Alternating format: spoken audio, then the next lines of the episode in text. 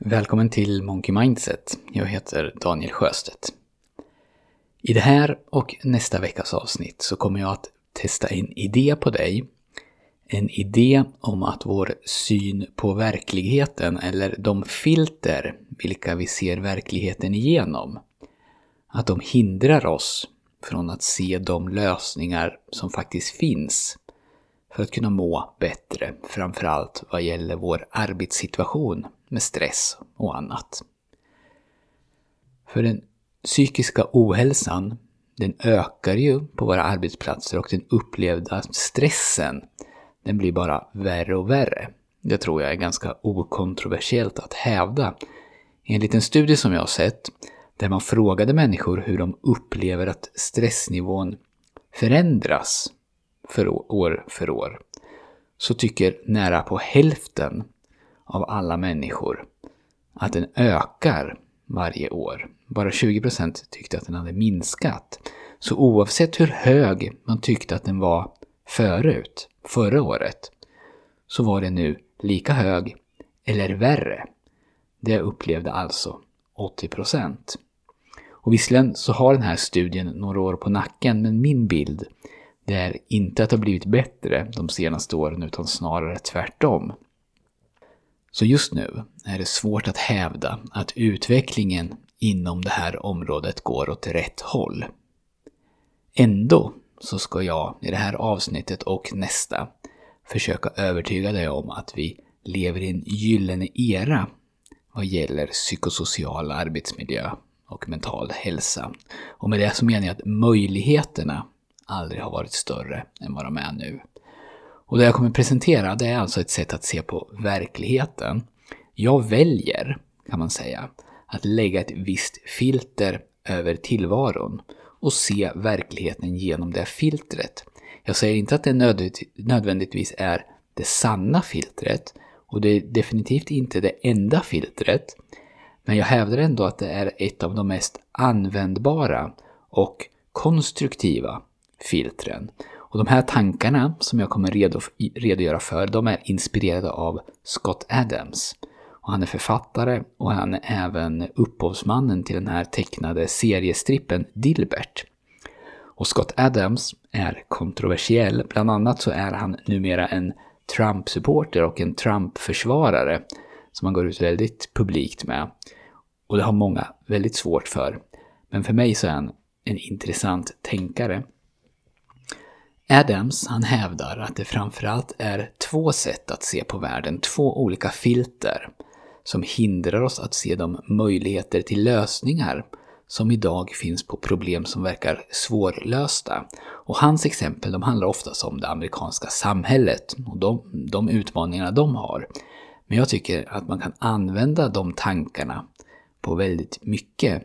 Och det första filtret som vi lägger på verkligheten och som hindrar oss, det är att vi ser på historien och utgår från att den upprepar sig, eller att den följer en rak linje, en naturlig utveckling.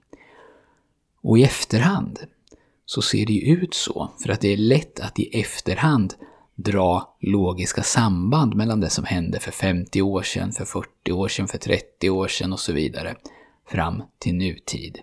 Men vad vi glömmer är att de här sambanden vi ser de skapas med facit i hand. Det är mycket svårare att förutse vad som kommer att hända. Just för att varje tidpunkt och varje fråga kan utvecklas åt många olika håll. Klimatfrågan är ett ganska bra exempel på det här. När vi ser tillbaks på de senaste 20, 30 eller 40 åren så ser ju utvecklingen väldigt linjär ut. Från det att frågan börjar komma upp så har det blivit värre och värre, mer och mer bråttom att göra någonting. Och de länder som har blivit industrialiserade, de har ökat sina utsläpp och ju mer världen har industrialiserats, desto mer utsläpp har släppts ut. Alltså utvecklingen har följt en logisk linje och i efterhand känns det rimligt att man borde kunna förutspå den här utvecklingen i många, många årtionden. Men det är svårare att se vad som kommer att hända de kommande 20, 30 eller 50 åren. Kommer det gå bra? Kommer det gå dåligt? Hur kommer våra lös- försök till lösningar att se ut? Kommer de drivas av politiker? Eller näringslivet? Eller av medborgarna? Eller av någon organisation som inte ens finns än. Ingen vet det här just nu, men om 50 år så kommer man troligtvis att kunna titta tillbaka och se att utvecklingen som följde från och med nu fram till då också var logisk och förutsägbar, oavsett om allt är löst eller om havsnivån är 10 meter högre.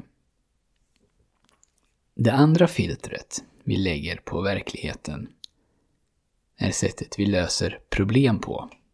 Att vi löser problem genom att gå till källan av problemet. Alltid. Och det här tycker jag låter ganska självklart. Om jag har ont i knät försöker jag ju inte bara, förhoppningsvis, ta reda på vad det är för smärta och lindra smärtan. Utan i en ideal värld, särskilt om smärtan kommer tillbaks hela tiden, så tar jag ju reda på vad källan är. Vad det är som jag gör som får mitt knä att smärta. Kanske så belastar jag det för mycket och då försöker jag minska belastningen eller öka styrkan i knät.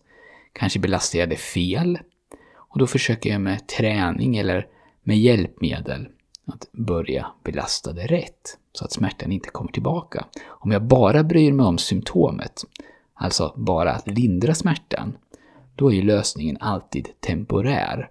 Och efter ett tag så går den kanske inte ens att fixa. Och det här sättet att lösa problem, det är ju logiskt i de allra flesta fallen. Så två filter på verkligheten, eller två olika sätt att tänka, som vi är väldigt inkörda i och som oftast funkar och som har hjälpt oss mycket.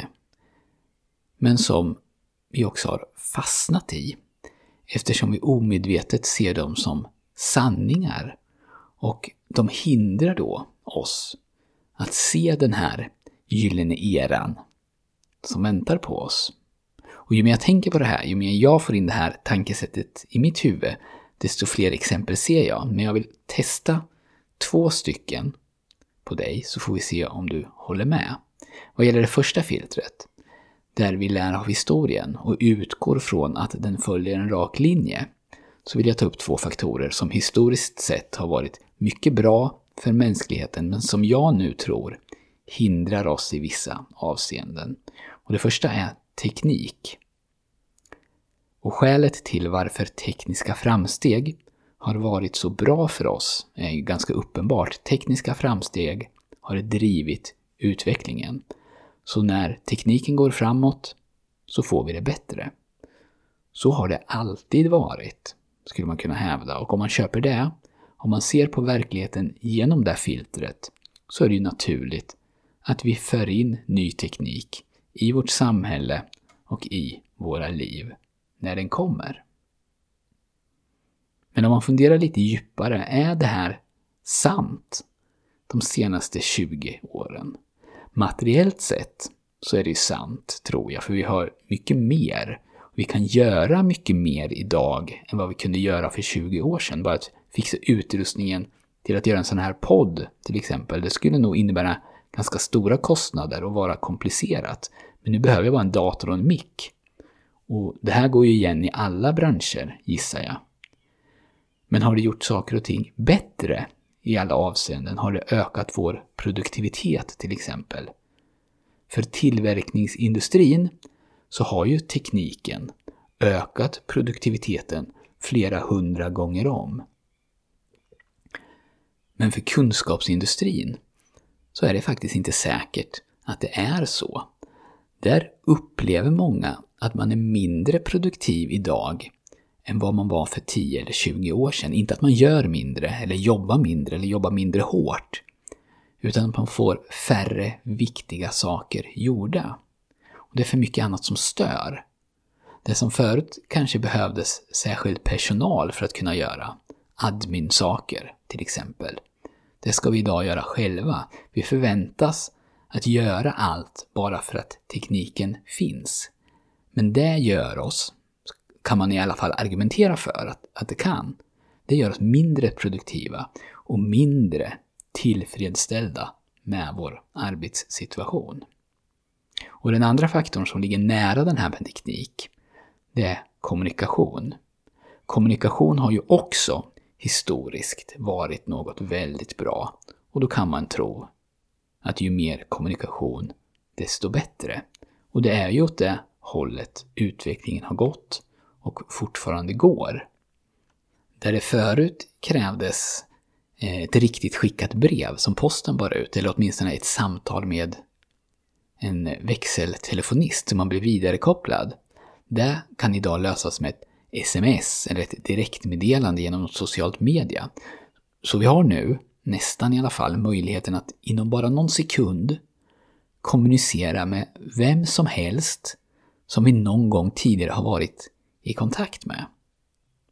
Och om man köper det här att kommunikation fram till nu, eller åtminstone fram till nyligen, har varit bra, att mer kommunikation mellan människor och företag och länder gjort saker bättre, så är det naturligt att vi knappt ens tänker efter när vi för in nya kommunikationskanaler i våra liv, eller när våra arbetsgivare vill få oss att kommunicera ännu mer, ännu tätare, och helst i realtid. Men på samma sätt som med teknik, tycker jag, så bör det åtminstone kunna argumenteras för att det finns en gräns. Och att vi nu har passerat den gränsen och att en stor del av kommunikationen idag och potentialen till kommunikation, det här med att alltid vara tillgänglig, inte gör oss vare sig bättre eller lyckligare. Kanske gör det oss istället mer stressad och kanske gör det att vi mår sämre. Att vi aldrig får den här mentala återhämtningen, som i alla fall jag är helt övertygad om är en nyckel till mentalt välmående. Så de här två sakerna, teknik och kommunikation, som jag tror att många av oss och vi som samhälle automatiskt förknippar med någonting bra. Alltså vi ser verkligheten genom ett filter som säger att teknik och kommunikation per definition är bra. Alltså behöver vi mer av det om det finns mer tillgängligt. De här två filtren behöver vi göras av med, tror jag, om vi ska kunna skapa en bättre arbetsmiljö. Både en där vi mår bättre, men också en där vi är mer produktiva. Vilket faktiskt leder till att vi mår bättre. Istället för bara automatiskt säga bra och mer, så tar vi oss en allvarlig funderare. Kanske behöver vi dra ner på kommunikationen. Kanske behöver vi till och med använda mindre teknik. Eller åtminstone skapa definierade roller där medarbetarna bara använder den tekniken som de är bra på, som de är anställda för att göra, som handlar om deras specialområde. Men det här blir ju lite krångligt och kanske inte så bekvämt som det är nu.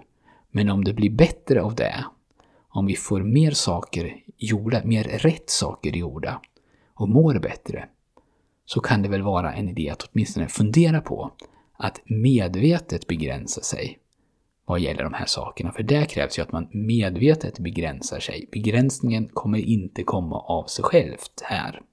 Eftersom utbudet är nästan oändligt. Jag avslutar här för den här veckan. I nästa avsnitt så ska jag försöka att knyta ihop den här säcken och då kommer jag prata om det andra filtret. Det är att problemets lösning alltid finns där det uppkommer. Eller att problemet behöver lösas av den eller det som är ansvarig för att det uppkommer. Kanske ett annat sätt att se på det. Men det här var alltså allt för den här gången. Och jag är skyldig er en liten uppdatering. För några avsnitt sen så bad jag om recensioner och sa att det skulle vara intressant att se om recensioner gjorde att podden klättrade på listorna. Och jag har fått in många recensioner. Tack så hemskt mycket för det. Det totala antalet har ökat med mer än 10% på bara några veckor. Och jag har försökt att hålla en liten extra koll på listorna, topplistorna. Men jag har faktiskt inte märkt någon skillnad. I alla fall ingen stor skillnad. Så jag vet inte om recensioner är så viktiga som alla poddare verkar tro. Men fortsätt gärna att recensera ändå förstås. Och ta hand om dig. Och tack för att du har lyssnat. Och så hörs vi igen nästa vecka.